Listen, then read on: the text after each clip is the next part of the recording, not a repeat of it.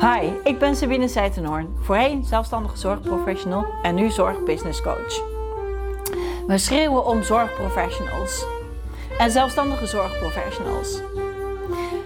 Maar het wordt ons zo moeilijk gemaakt om een goed zorgbedrijf op te zetten. En daarom help ik jou als zelfstandige zorgprofessional een goed zorgbedrijf op te zetten, zodat jij kunt doen waar je goed in bent, zonder kopzorgen. En dat is zorgverleden. Welkom lieve mensen. Vandaag weer een nieuwe aflevering van een bloeiend zorgbedrijf podcast. En eh, vandaag heb ik uh, te gast uh, Julian. En we gaan het vandaag hebben over passende zorg en hoe het is om in de toekomst als ondernemer aan te kunnen sluiten bij de nieuwe kaders, zodat jij zeg maar als ondernemer in de zorg aan de slag kunt blijven. En allereerst ga ik natuurlijk uh, Julian even introduceren voordat wij uh, gaan starten.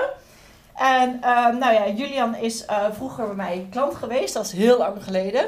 Dus dat, denk ja, ik. Nee, dat is begin 2020 geweest. Geweest, ja. ja. En toen had ik nog het ontzorgpakket. Ja. Daar is al zoveel veranderd. Ja, er is inmiddels heel veel in veranderd, geloof ik. Ja. ja. het heet inmiddels het Business en Zorg Basispakket. Oké. En uh, het ontzorgpakket, we hadden nog één kwaliteitsmanagement systeem voor iedereen, geloof ja, ik. klopt. Toen was ik net aan het overschakelen naar een eigen kwaliteitsmanagement systeem. Je hebt volgens mij nog een training gevolgd bij mij. Ja. Zelfstandig. Klopt.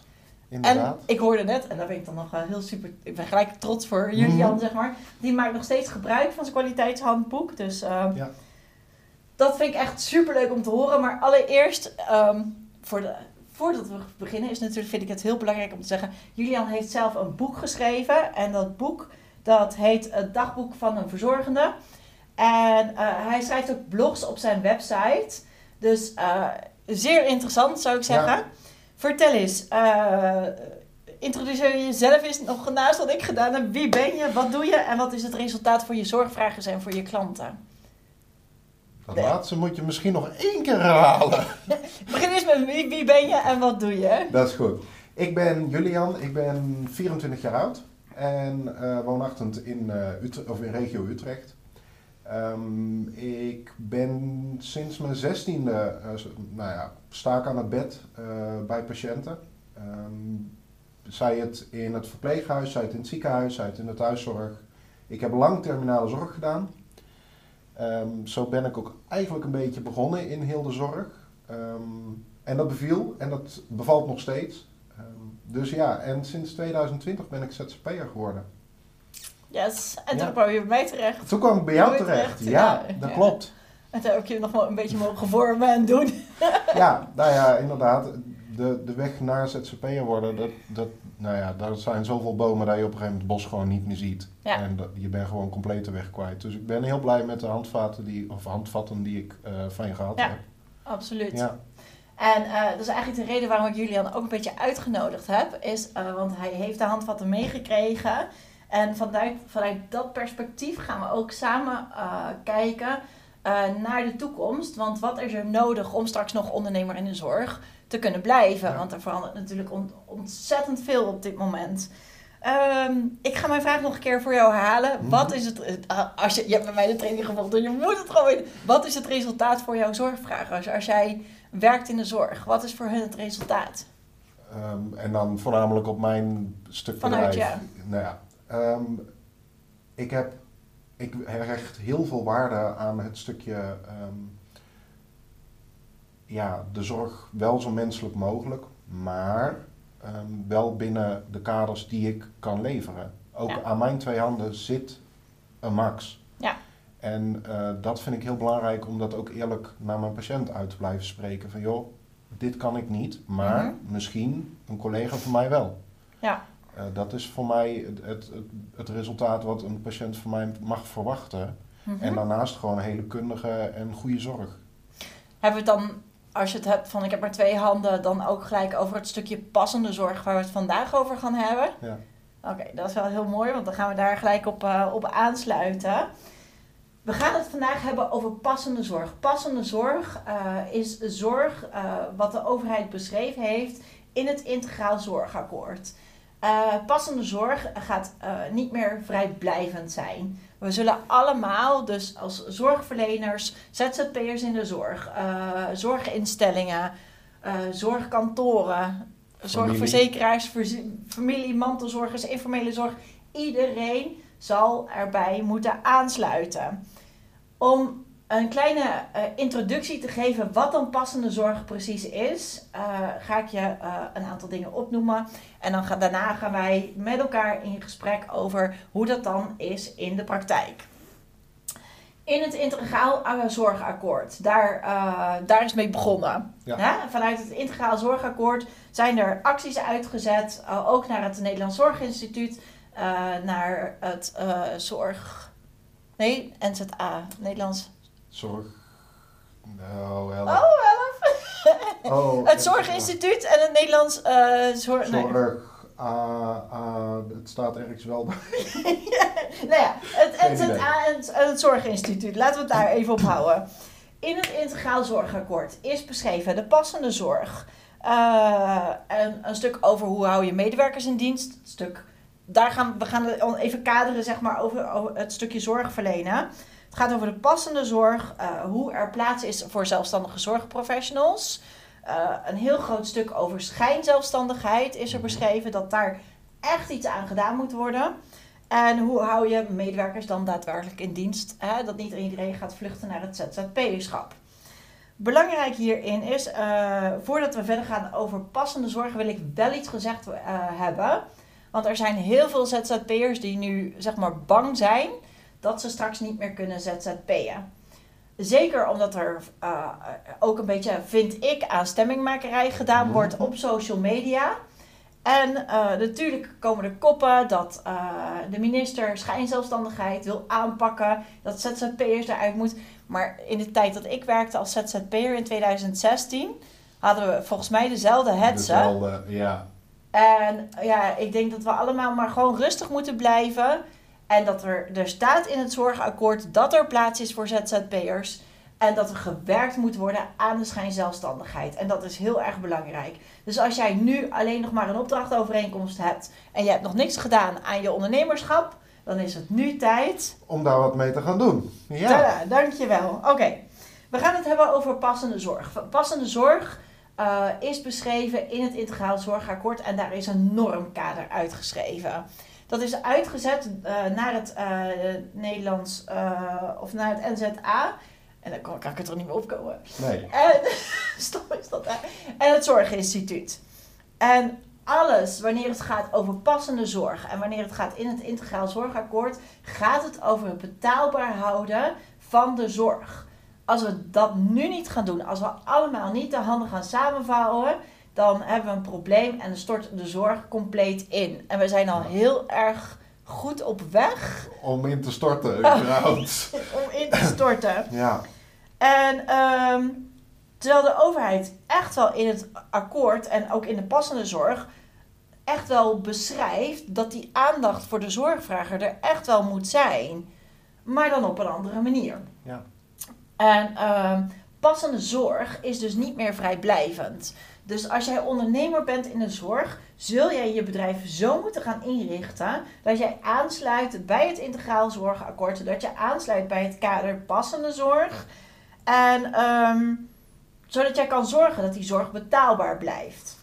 Nu gaan we ehm, een stukje de, even een samenvatting doen. Wat, wat zij zeggen wat passende zorg dan daadwerkelijk is.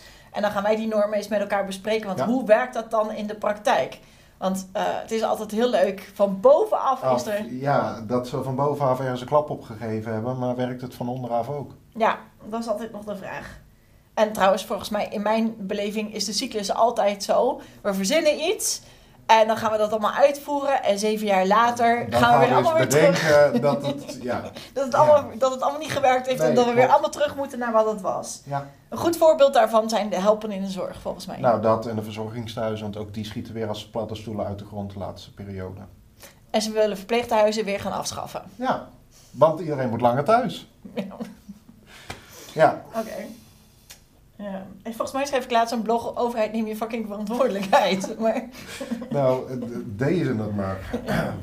Nou ja, zo, er, er, er zijn echt wel stukken waarvan ik denk, er is echt wel over nagedacht. dat Alleen is het in de praktijk echt wel door iedereen uitvoerbaar. Als zorgverleners dit aan de kant gaan gooien, dan hebben we gewoon een groot probleem. Want er is al een mega tekort. Ja, Dus. Maar goed, even samenvatten. Passende zorg is waardegedreven. Dus waardegedreven gaat het wanneer het gaat over inzet van personeel, grondstoffen en geld. Eh, passende zorg komt samen met de zorgvrager tot stand. Dus informele en formele zorg. Passende zorg wordt gegeven op de juiste plek. Dat is een hele interessante, vind ik. Eh, een voorbeeld daarvan is bijvoorbeeld een eh indicatiesteller. Ja, en stel, de HBOV die een indicatie stelt. Ja, Dankjewel. Die eh, in Groningen zit, mag geen indicaties meer stellen voor iemand die in eh, Rotterdam eh, zit. Omdat dat dan niet zeg maar, op de juiste plek is, dichtbij in de buurt. En dat er dan niet beoordeeld kan worden. En dat is wel weer een nadeel, want er is gewoon weer een, er zijn ook weer tekorten. daar zijn Dus- flinke tekorten voor. Ja. Nou, en deze vind ik, deze, dit, dit gaat mij altijd wel aan het hart. Uh, passende zorg gaat over gezondheid en niet over ziekte. En dat vind ik wel, ja, dat is al mijn ding altijd geweest.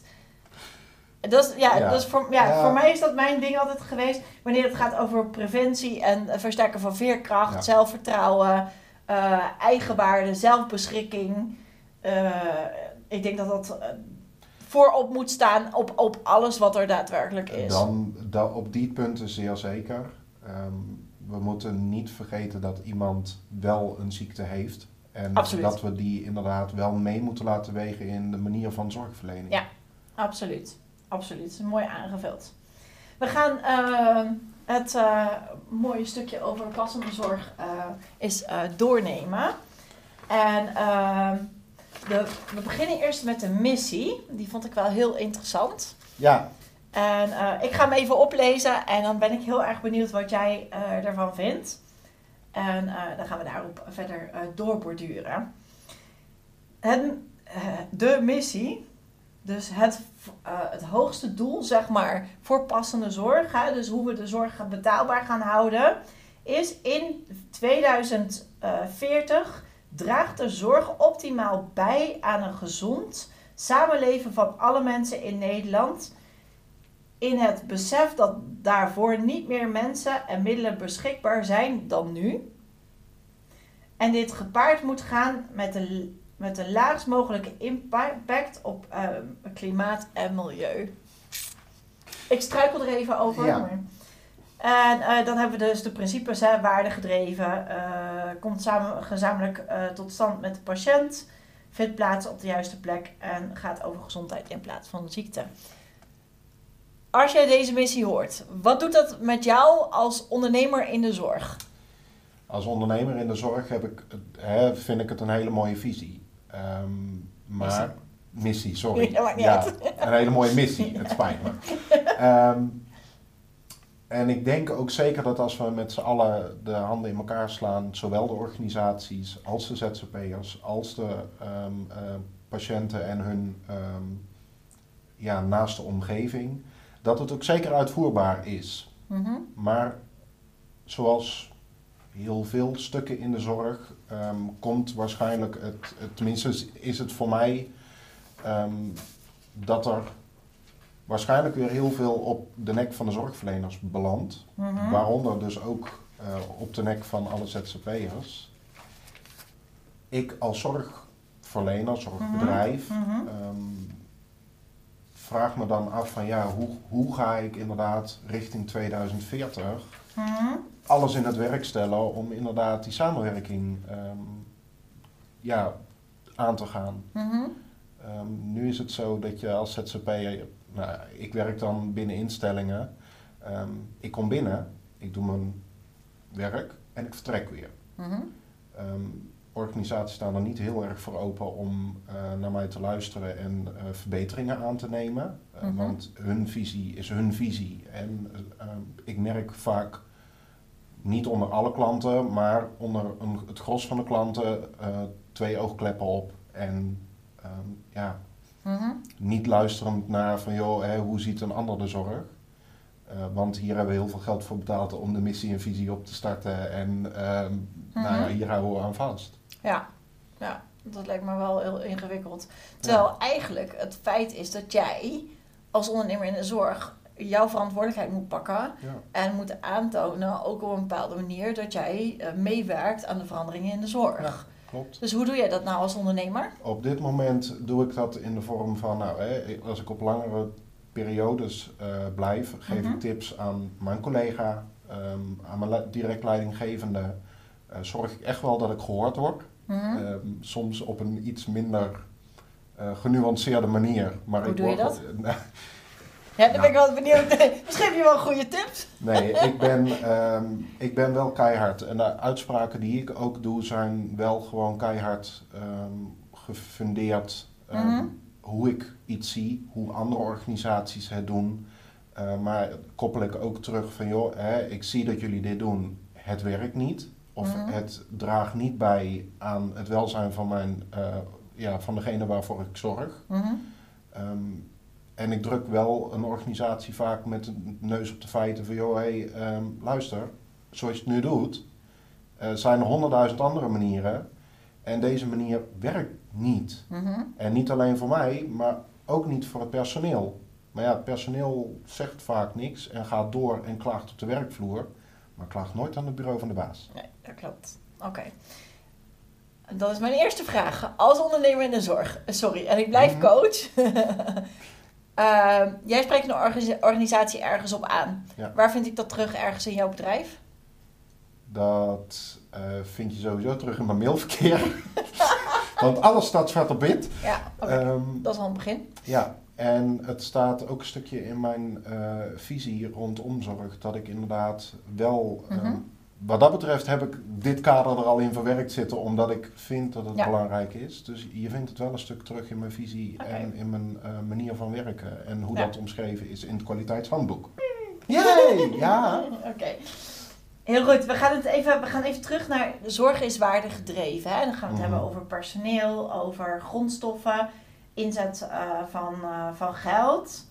Waarin eh, er eigenlijk gezegd wordt, af en toe moet ik even een stukje lezen, want ik ken ook het, het, het, het, kader niet helemaal uit mijn hoofd. Het is echt een, een hele wollige tekst, dus excuus. Ehm, even kijken, het Zorginstituut, het is Nederlands Zorgautoriteit, Ja, het dat was het. Hanteert in zijn visie op kwaliteit. Hè? Dus we hebben het, het gaat nog steeds, passende zorg gaat over, ook over het kwaliteit, eh, over het leveren van kwaliteit. Daar, hè, daar staan we alle twee heel erg voor. En eh, de overheid wil ook gewoon kwaliteit in hoog vaandel houden. Ze willen op nummer 1 staan hè, bij de, van de wereldtop. En daarom is dit ook, denk ik, ook wel beschreven.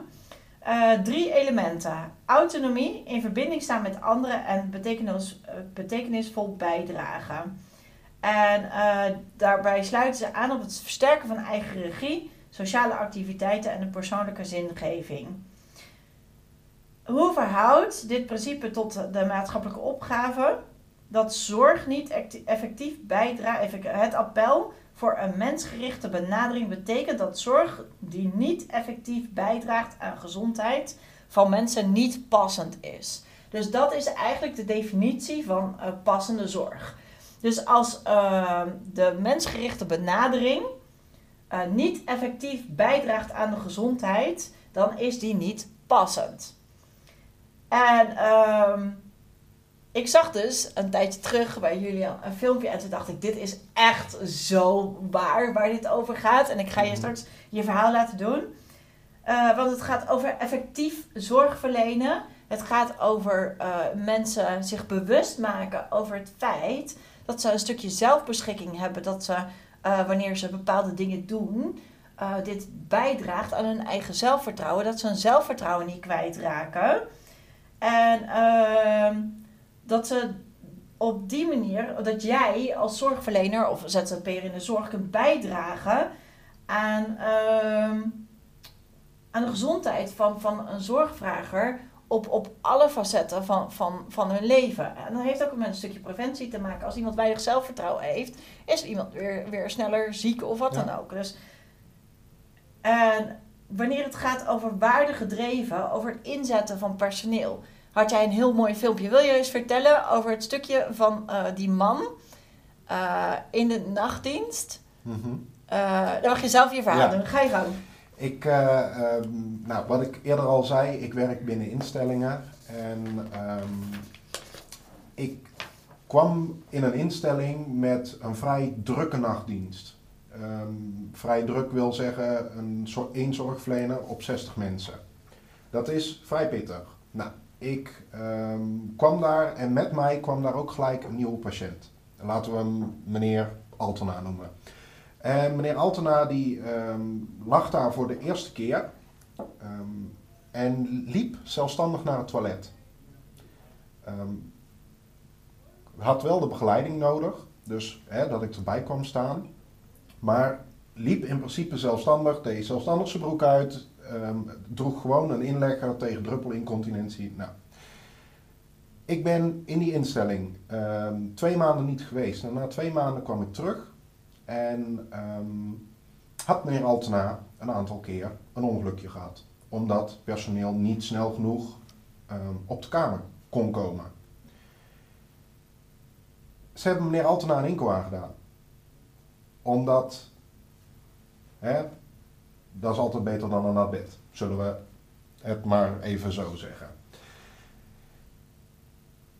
Meneer Altena liep niet meer zelf naar het toilet. Meneer Altena moest ik uit bed halen, terwijl hij zelfstandig, of de eerste keer zelfstandig gewoon kwam zitten. Ehm, Kon hij zelf niet meer lopen? Of. Hij kon gewoon lopen. Ja, Ehm. Maar hij kwam niet meer rechtop zitten. Ik moest hem aan zijn hand eh, omhoog trekken, want dat was makkelijker. En dat deed de andere nachtdienst ook. Oké. Dus als je het al hebt over een stukje hospitalisatie, dan was dat echt een heel mooi voorbeeld. Maar goed, omdat hij die inko aan had, is er ook een paar keer tegen hem gezegd: pas maar in de inko. Dat is simpeler. Oh ja, daar gaan we het hebben. En als je het hebt over zinnige zorg en over het stimuleren van iemand en het bevorderen van iemands eigen waarde, iemands eigen gezondheid, Preventie. het stukje preventie inderdaad, is iemand zo lang mogelijk zelfstandig houden. En ongeacht dat het misschien vijf minuten langer duurt, ehm, snapte ik niet waarom ineens hè, de bedhekken omhoog moesten, ineens eh, er een inko aan moest. Ja, oké, dan plast iemand een keer in bed. Ja, dan leg je er een mat onder. Het- Ja. Als dat één keer per maand gebeurt, ja, oké. Ja. Ik bedoel, en dan is het niet eens dat iemand incontinent is, maar dan is het gewoon dat het te lang geduurd heeft dat er personeel stond. Wat denk je wat voor, voor die man eh, erger is eh, qua eh, effectiviteit? Tenminste, erger is dat hij dan uiteindelijk gewoon zelf niet meer naar het to- toilet kan lopen of af en toe een keer een ongelukje heeft. Ik denk, Qua, ik denk kijk, hè, dat, dat ongelukje dat is een, een moment van falen. Zo ervaart iemand dat. ehm, dat. Ja, goed, ik probeer het altijd aan te vliegen als zijnde. Goh, het kan gebeuren. Mhm. Ik bedoel, ehm, ik maak daar verder geen probleem van. Als mijn collega zuchtend aan het bed staat, heb je er weer zo een die in zijn bed pist. Je mag het officieel niet zo zeggen, maar goed, oké, Het gebeurt. het gebeurt. Ehm, Ja. Dan snap ik helemaal dat dat falen gewoon ontzettend groot wordt. En dat iemand dan liever die inko om heeft als een stukje zekerheid. Ja. Maar als er dan ook nog gezegd wordt, pas maar in de inko, want hè, eh, dan verschoon ik je zo meteen wel. Dat is niet oké. Dat is niet Nee. oké. Nee, absoluut niet. Nee. Even één voorbeeld. Mhm. Hoe heb je het opgelost met die man? Ik heb het zo opgelost dat ik inderdaad met mijn nachtcollega eh, heb gezeten. En ehm, ik ben daar op mijn vrije nacht voor teruggekomen, want ik dacht, ik, ik wil hier wel een gesprek over. En eh, uiteindelijk hebben we het wel weer voor elkaar dat hij eh, met een inlegger gewoon zelfstandig naar het toilet loopt. Dat is heel tof. Ja, Dat is heel tof. Want dan doe je op de werkvloer doe je eigenlijk iets wat passende zorg is. Hè? Ja. Je zet die man weer ondernemerstechnisch. Daar kom ik weer. Want jij bent heel braaf op je vrije nacht teruggegaan. klopt. Is het ergens gerapporteerd? Het is gerapporteerd, ja. Oké, en waar staat het voor je eigen bedrijf? Het staat in mijn eigen dossieromgeving ook. Maar wel onder de naam van, het is niet de patiënt waar een dossier op geopend is. Het is op de instelling is er een, eh, een dossier geopend. Oh, ik Dus- van. Alles, alles wat ik binnen de instelling aangeef, eh, wat dan ook, ehm, eh, dingen die fout zijn gegaan, worden keurig allemaal ehm, ja, bijgehouden. Je zegt, eh, dit, dit vind ik zo heerlijk hè. Mhm. Eh, je houdt een dossier eh, bij. Hoe doe je dat dan? Maak jij gebruik van een bepaald ECD?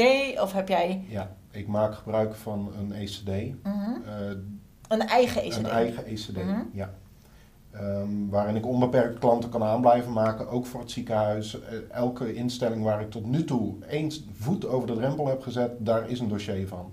Daarin staat ook precies wat er is gebeurd, hoe die nacht is gelopen, of er hele grote calamiteiten eh, zijn geweest. Ja. Ehm, en zelfs bijzonderheden, hè, valpartijen, dat staan er onder kamernummer in. High five. Goed hè? Dit is dus echt letterlijk zoals, je- zoals eh, ik het ook echt iedereen aanleer. Als jij een stap buiten de instelling doet en je mag nooit meer terugkomen, dan weet je altijd nog wat je moet doen. En Ja. je kan jezelf zo goed indekken. En dit is echt een stukje ondernemerschap die ik echt iedereen mee wil geven. Want dit, is, dit laat zien dat je onderneemt. Dit laat zien dat je eh, ook, kan aantonen wat je gedaan hebt. Ook als je niet meer bij die instelling zit. Ja. We gaan heel even terug naar, die, ehm, naar de eh waarde, zeg maar. Over het stukje waarde. Ehm, de normen die daaruit voortkomen, uit het stukje waarde. Passende zorg moet waarde toevoegen aan de gezondheid. Daar zit ik nou op dezelfde pagina. Oh ja, aan de gezondheid van mensen tegen een proportio- proportionele inzet van middelen, personeel en grondstoffen. Wat ik wel mee wil geven is ook eh, het stukje wanneer je dus op de, op de werkvloer werkt. Hè. Er is tegenwoordig een onderzoek aan de, aan de gang Ja. over medicatie inleveren Ja. terug bij eh, de apotheek. En ik denk dat je zelf als ondernemer daar ook eh, een eh, stukje verantwoordelijkheid in kan pakken. Hè? Dus of je nou bij een instelling werkt of eigen cliënten hebt. ehm, je kan zelf ook opzoeken of dat je daaraan kan deelnemen. Hè? Dus medicatie inleveren, incontinentiemateriaal. Oké, dan hebben we echt een heel stuk over. Even kijken, hoe heette dat ook alweer? Het stukje wanneer het gaat over eh, Zinnige zorg. de waarde, waarde, waardevolle zorg, zeg ja, de maar. waardevolle zorg. Ja. En eh, dan gaan we nu het stukje pakken wanneer het gaat over de passende zorg die gezamenlijk met eh, de patiënt tot stand komt. Er zijn hele debatten op dit moment over hoe informele zorg neer te zetten, hoe mantelzorg neer te zetten. En eh, dat de overheid zich daadwerkelijk beseft dat als ze alle informele zorg moeten gaan vervangen, dat ze eigenlijk ongeveer 45 miljoen tekort komen aan geld om daar professionele zorg in te zetten. Dus daar wordt heel erg over nagedacht, ook over hoe dat, dat aangepakt moet worden. En ehm, het principe, dus wat betekent het principe voor verschillende partijen? Ik ga hem heel kort even oplezen. Zorg, ik, cliënten, ik hou, houd bij zorgvragers, ik vind dat een veel beter woord. Ik krijg het gewoon, sorry. Zijn gebaat bij persoonsgerichte zorg. Bepalen mee wat passende zorg is in een, specifa- in een specifieke situatie. En eh, eigenlijk waar het om eh, gaat is dat ze gewoon goed ingelicht zijn. Hè? Dat ze gewoon goed verteld wordt waar, eh, waar ze aan toe zijn. Zodat ze goede besluitvorming kunnen maken. Eh, en dat jij als zorgverlener dus daadwerkelijk ook de kennis en eh, de know-how hebt om dit daadwerkelijk te doen. Nu vind ik het heel erg lastig. Jij werkt in ziekenhuizen en eh, in, in thuiszorginstellingen en met mensen waar je echt daadwerkelijk kunt overleggen. Ja. Ik vind het tweeledig. Je kan ouders, de- vanuit mijn situatie, wanneer ik denk over de gehandicaptenzorg, en, en je kan ouders heel goed inlichten. Maar er zit ook nog een stukje eh, waar je een, een kind met een handicap ook zou moeten kunnen informeren over de zorg. En moet stimuleren en doen. En dat is, vind ik, als ondernemer in de zorg toen de tijd, vond ik dat al een heel lastig stuk. Is het ook. Nou vind ik eigenlijk, eigen regie is heel erg belangrijk. Ja. Maar soms gaat het ook een beetje te ver. Denk ik. Ja, Mag ik dat zo zeggen? dat mag je zeker zo zeggen. Ver- vertel. Nou ja, weet je wat ik, het is een ontzettende trend, hè? Dat, dat Ja. eigen regie. En Ja. ehm, natuurlijk, het is heel belangrijk om de patiënt Mhm. aan, aan het roer te zetten van zijn eigen behandeling. Mhm. Maar als ze de route niet weten, of als ze niet binnen de, de kaders en, en nou, in de vaargeul blijven, dan eindigen we met z'n allen net als de Titanic. Want, Vertel. ja, dat is heel mooi beschreven. Ja, dat is een heel mooi. ehm, ik merk heel erg het, dat het gewoon de laatste tijd heel erg draait om van nou, hè, eh, ik wil dit. Dat klopt. Je kan dit willen, maar het is niet de beste keus in jouw situatie. Mhm. Waar heel veel ehm, ja, winst op te behalen is, is het Mhm. stukje voorlichting. Waarom niet? Mhm. Ehm, ik kan natuurlijk zeggen van nee, want het is niet, eh, dit, dit past niet bij jouw situatie. Of ik kan uitleggen waarom het er niet bij past. Mhm. En iemand wel de keuzes geven die wel zouden passen. Heb je een concreet voorbeeld? Heb ik een concreet voorbeeld? Ja, dat heb ik. Ehm, ik heb. Dit is niet eentje die ik zelf. Dit is wat ik gezien heb qua arts. Hè. Mhm. Ehm, we kennen in de zorg ehm, niet reanimeren op medische gronden. Ja. Ehm, ik heb een mevrouw van 99 gehad die ehm, wel gereanimeerd wilde worden. Mhm. En ten tijde van de COVID. Toen is onze arts met haar in gesprek gegaan van joh, als u ge- gereanimeerd zou worden, dan ehm, komt u daar niet goed uit. Mhm. Hij had ook kunnen zeggen van nee, we doen het niet, punt. Ja. Hij heeft anderhalf uur in die kamer gezeten. Hij heeft zijn pieper op de zusterpost achtergelaten. Hij is anderhalf uur in die kamer gezeten. Hij heeft alle vragen beantwoord die ze had. Wauw. Ja. En op dat moment gaf hij de voorlichting hoe ze eruit zou komen op het moment dat ze wel gereanimeerd zou worden. Mhm. Wat het voor haar lichaam betekent, wat het voor haar betekent en Mhm. welke winst er voor haar te behalen was als ze daadwerkelijk gereanimeerd zou zijn Mhm. of dat juist geen winst was. Ja. Ja. En dat vond ik zo'n mooi punt. Ehm, hè, een patiënt kan zeggen dat ze een bepaalde behandeling willen, omdat dokter Google dat gezegd heeft. Alleen als er een andere, op, of een andere eh, behandeling passender is, is het voor ons van belang om uit te leggen waarom die Ja. meer voordelen heeft als dat de patiënt zelf heeft uitgezocht op Google. Dan hebben we het eigenlijk ook al. eh, dan hebben we het eigenlijk ook al een stukje op, op het stukje passende, passende zorg. Ja. Dat, ja, dat is wel heel erg mooi. Eh, je bent ben gelijk van, me- van mijn leg af. want ik ben gelijk, Tuurlijk, daar, daar ben ik goed in. Ja. Gezamenlijk met de patiënt tot stand. Ja, Ja. we hebben het al gelijk over preventie en zo. Maar dit is wel een heel mooi voorbeeld. eh, waar je eigenlijk een stukje preventie gelijk al aanpakt. Eh, en waar je gewoon echt een stukje passende zorg eh, samen met de patiënt eh, kunt, kunt gaan inregelen eigenlijk. Hè? Wat eigenlijk heel erg mooi is. Ik denk dat we, dat we eigenlijk ook al gewoon eh, direct naar preventie kunnen gaan. Kijk, informele zorg, ik denk dat we daar heel weinig over moeten. Tenminste, we kunnen daar best wel op induiken. Maar informele zorg heeft ook te maken met passende zorg. En mensen, eh, mantelzorgers, gewoon heel goed voorlichten over wat er precies nodig is. En ehm, in het kader wordt ook benoemd dat er pas formele zorg daadwerkelijk aangehaakt wordt op het moment dat informele zorg niet meer eh, Toereikend toe- is. zeg maar. En ik denk dat dat eigenlijk ook wel heel goed is. We leven eigenlijk van, vanuit mij in een hele individualistische maatschappij. Ja. Dat wilden we allemaal heel graag. En Ja. nu krijgen we eh, de rekening ervan eh, betaald.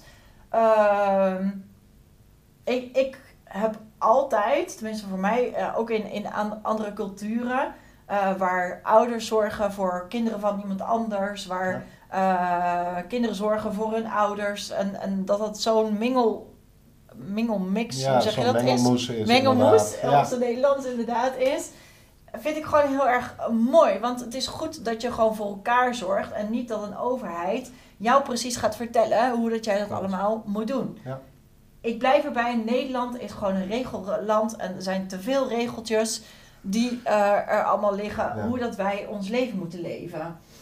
En als we allemaal wat meer voor elkaar zouden zorgen, ook al wordt het eigenlijk best wel lastig omdat we allemaal moeten werken natuurlijk, maar Ja, daar zit nog wel een stukje aan. Laten we eens een stukje gaan wanneer het gaat over uh, nou ja, zorg op de, op de juiste plek.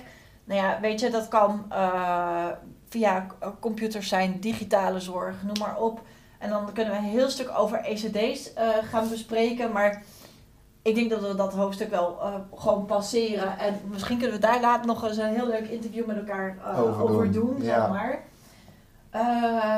en dan komen we op mijn favoriete stuk.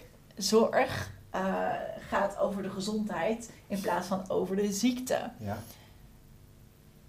En ik kan het niet laten om gewoon een klein stukje een voorbeeld van, van mijn praktijk te geven. Is, ik heb zelf een kindje verzorgd waarin iedereen zo gefocust was op haar syndroom. Ze had een Cri-Duchamp syndroom heet dat. ik zie jou al kijken. het Cri-Duchamp syndroom uh, is zeg maar een bepaald syndroom waarbij er uiterlijke kenmerken zijn. Waardoor, uh, en dat er ook bepaalde ziektebeelden zijn. Uh, altijd oorproblemen, bepaalde, hè, dat, ja, bij, bepaalde symptomatische gedeeltes. Dat hoort er dan bij.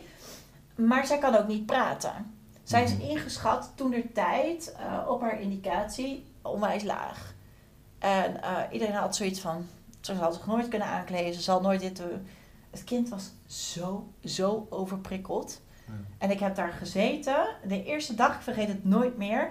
En ik heb haar alleen maar gewoon heel urenlang met zand laten spelen. Die ouders die zaten boven en die hadden zoiets, wat gebeurt hier? Mm Want normaal gesproken had ze al alles bij elkaar gekrijsd en gegild en gedaan en weet ik veel wat allemaal. Ik heb jarenlang met haar gewerkt. Ik heb jarenlang gesprekken met haar gevoerd. Waarvan mensen dachten, die gesprekken kan je helemaal niet voeren. Ik heb haar uitgelegd zelfs, papa en mama, die plassen op de wc. Andere kindjes kunnen dat ook. En ik wilde haar gewoon klokzindelijk maken. Waar school geen vertrouwen in had. Mhm. School niet mee wilde werken. Uiteindelijk is het nu een meisje van tien, denk ik. Die zich zelfstandig aankleedt. Die haar schoenen kan strikken.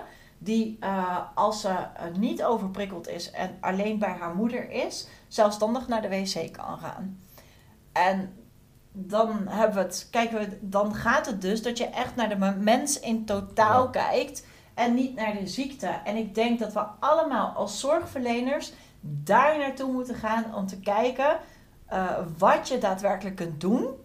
Om naar de mensen in zijn geheel te kijken dan naar de ziekte. En halleluja, eindelijk kijkt de overheid daar ook naar.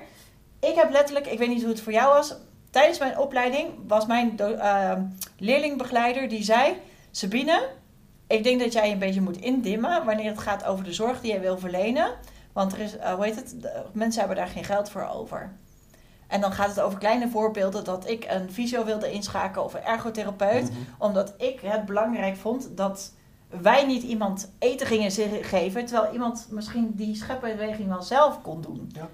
En toen kreeg ik te horen, daar is geen geld voor. En toen dacht ik, van, ja, daar brak mijn hart al toen ik startte in de zorg. Dat is er nog steeds, die, die beredenering. Er is geen geld voor. Um, het is natuurlijk is er geld voor. Luister Sabine, we kunnen kort of lang zijn. Een organisatie maakt winst. Ja. Dus er is geld. Ja. De keuze is alleen om het niet in te zetten, mhm. dat geld. Mhm. Dus ja, weet je, ik, ik denk hetzelfde. Um, nou moet ik altijd wel een beetje reguleren. Die ziekte is er, daar moet ik rekening mee houden. Absoluut. En voor mensen met, met een beperking of met een uitdaging is dat misschien heel anders. kijken. um, als ik het heb over chemopatiënten, kankerpatiënten, ja, dan um, is die ziekte er en is Absoluut. die ziekte op dat moment Absoluut. even leidend. Ja. Maar um, is het wel heel belangrijk inderdaad om die patiënt te stimuleren om dingen zelf te doen. Niet alleen op bed te gaan liggen, maar gewoon echt hè, dat leven te herpakken en daarin ja. die begeleiding te geven. Maar inderdaad, hè, het inzetten van een fysio, het inzetten van een ergo, het inzetten van welke discipline dan ook, moet gewoon kunnen. Ja. En vooral het stukje... Ik onderbreek je, oh, gaat het over geld? Of, uh, uh, oké, ik vind het echt heel lastig om te zeggen op camera. Uh, maar ik ga het toch lekker doen. je hebt altijd van die mensen die zeggen, hebben we al geprobeerd, we hebben dit al gedaan, we hebben zus al gedaan. En ja. ligt het aan geld, personeel, kennis? Ligt, Alles samen? Het ligt een gedeelte aan kennis. Mm -hmm. um, ik merk dat de opleiding heel erg inzet inderdaad van nou hè, um, dit zijn de gebaande wegen. En probeer als stagiair alsjeblieft niet van de gebaande wegen af te gaan, want je wordt gepakt. Mhm. Ja, Ehm, dat is waar. wat dat betreft is het, het ehm, spreekwoordje kop boven, boven het maaiveld uitsteken is in de zorg echt een ding. Ja. Ehm, maar het is ook inderdaad het stukje van nou, hè, ehm, zo min mogelijk geld uitgeven. Ehm, het is een stukje, ehm, nou ja, de kunde die onze zorgverleners hebben. Ik, de opleiding van vroeger was natuurlijk echt iets heel anders dan de opleiding van nu. Eh, Ja. De opleiding van nu is meer inderdaad, wordt steeds holistischer. Terwijl het voorheen altijd een beetje medisch, of het- medische stuk st- veel groter was. Dus je had meer kennis om in te zetten op het stuk medisch. Het Mhm. holistische is nu heel groot en medische kennis is gewoon een stuk minder. Ja, En dat, dat merk ik. En ik heb de voorkeur voor de medische kennis. oké. Want, waarom? Omdat het stukje medische kennis, het, het stom voorbeeld, het doorbewegen van contracturen, Ja, om inderdaad hè, wel die bewegingen te kunnen, kunnen blijven maken. doen. Ja. Mijn oude collega's kunnen dit. Mijn nieuwe collega's kunnen dit niet meer. nee.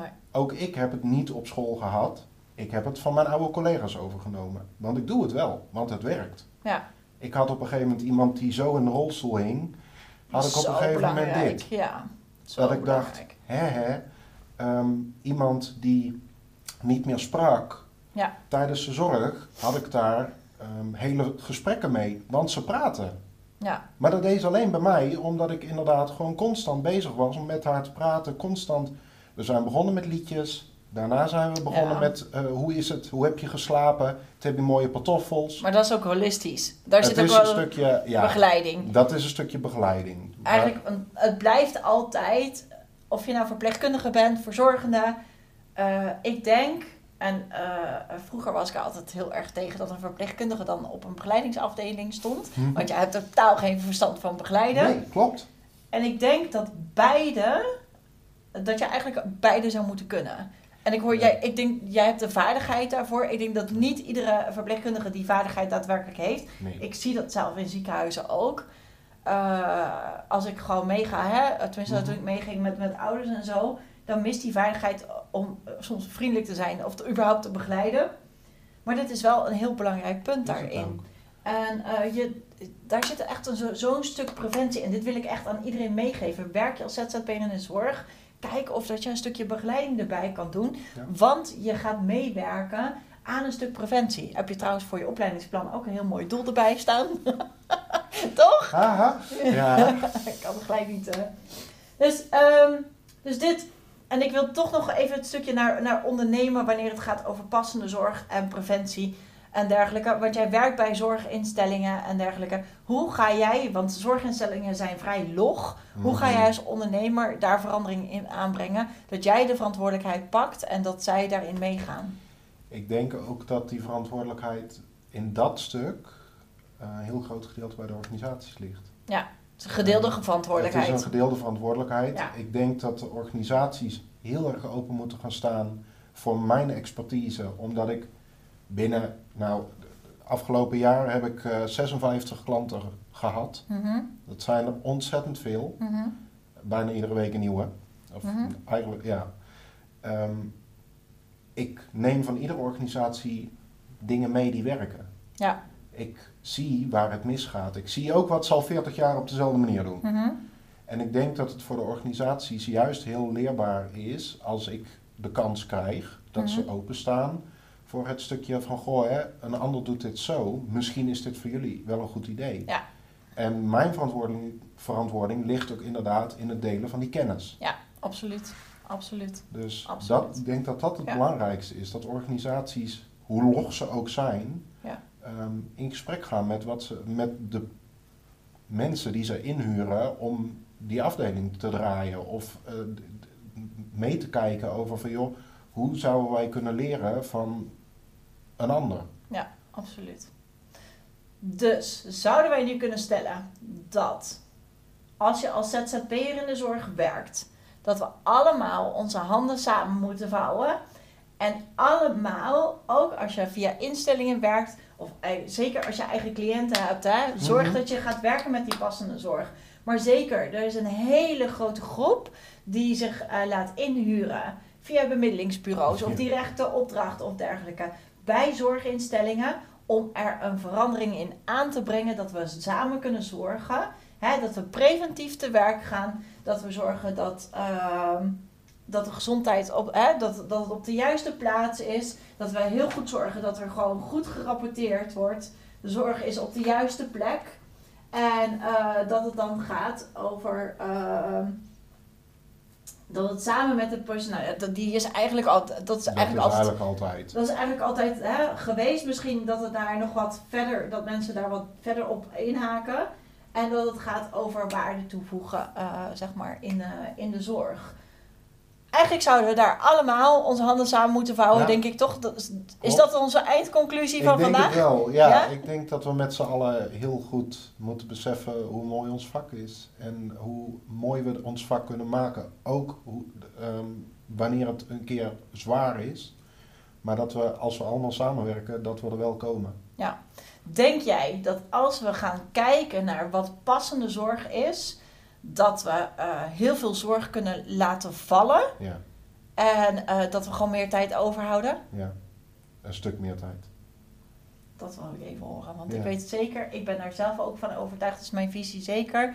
Als jij heel veel zorg laat vallen en echt gaat doen wat er nodig is, wat mensen gewoon zelf kunnen, mensen zelf eh, laten doen. Desnoods ter ondersteuning, hè, door ver- verbale ondersteuning, dat je heel veel tijd kunt besparen en juist die tijd kunt gebruiken om de mensen de aandacht te geven die zij daadwerkelijk nodig hebben. Ja, even dat kwartiertje met iemand koffie drinken.